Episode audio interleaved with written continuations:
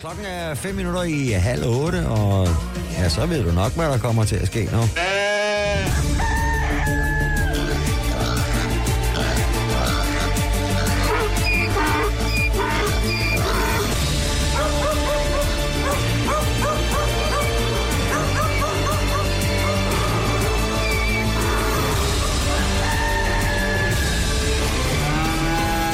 Topstart på Pop FM. Nu dyre nyt. Præsenteret af Maxisu. Morhunden er kommet til Fyn, og det er ikke så godt, mener Miljøministeren, for morhunden er et rovdyr, der æder både fugle og padder og er en trussel mod troede dyrearter.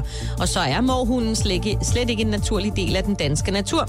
Derfor har Miljøminister Jakob Ellemann Jensen i mandag sat en såkaldt Judas-morhund fri i Ejby på det vestlige Fyn i forsøget på at finde frem til rovdyret. Det hedder en Judas-morhund, fordi den skal forråde sine egne artsfælder ved at lokke dem frem, så de kan fanges og aflives. Erfaringer fra Jylland viser, at det er den bedste måde at finde en morhund på, det er ved at lade en anden morhund lede efter den, fastslår ministeren.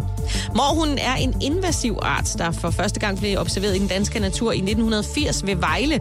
Mellem 95 og 2003 blev der registreret 25 morhunde. Siden er bestanden vokset voldsomt, og der anslås i dag at være mellem 2.000 og 3.000 i Jylland. Hold op. Ja. En kunde i en Aldi-butik på Østerbro i København fik sig mandag en slem forskrækkelse. I en forsejlet pose kartofler lå nemlig en død mus, oplyser supermarkedskæden til TV2 Lorry. Det burde på ingen måde kunne lade sig gøre, og det er også fuldstændig uacceptabelt, at det sker, siger Thomas Bang, der er vicedirektør for CSR, marketing og kommunikation hos Aldi. Der er tale om et parti kartofler fra firmaet AF Nyhus AS i Greve.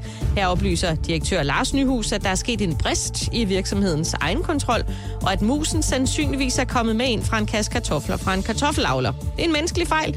Når vi får varen, er den vasket og ordnet. Der står så nogle medarbejdere ved pakkebåndene, som måske har været ude på toilettet, og så er den sluppet igennem systemet og ind i posen, siger Lars Nyhus til TV2 Lorge.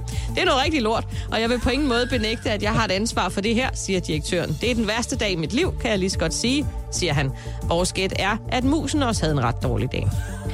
Fisker Søren Jacobsen gjorde et overraskende fund, da han torsdag i sidste uge hævde det garn op, han dagen forinden havde sat ud, fortæller TV2.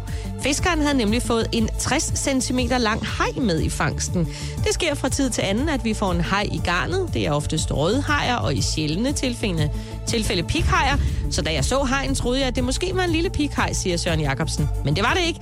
Søren Jacobsen spurgte nemlig personalet på Øresundsakvariet i Helsingør til råds, og de kunne fortælle, at der var tale om en sjælden stjernehaj. Vi var i den grad op at køre, da vi fandt ud af, at det var en stjernehej, for sådan en ser man meget sjældent i Øresund. Så den tog vi meget gladeligt imod, siger Jens P. Jeppesen, der er museumschef på Øresundsakvariet. Desværre var hajen hårdt medtaget, og selvom personalet gjorde alt, hvad de kunne, stod hajen ikke til at redde. Fundet er dog alligevel interessant, for faktisk er stjernehajen kun registreret én gang før i Øresund, og det var i 2003 ved Kastrup. Dyre nyt.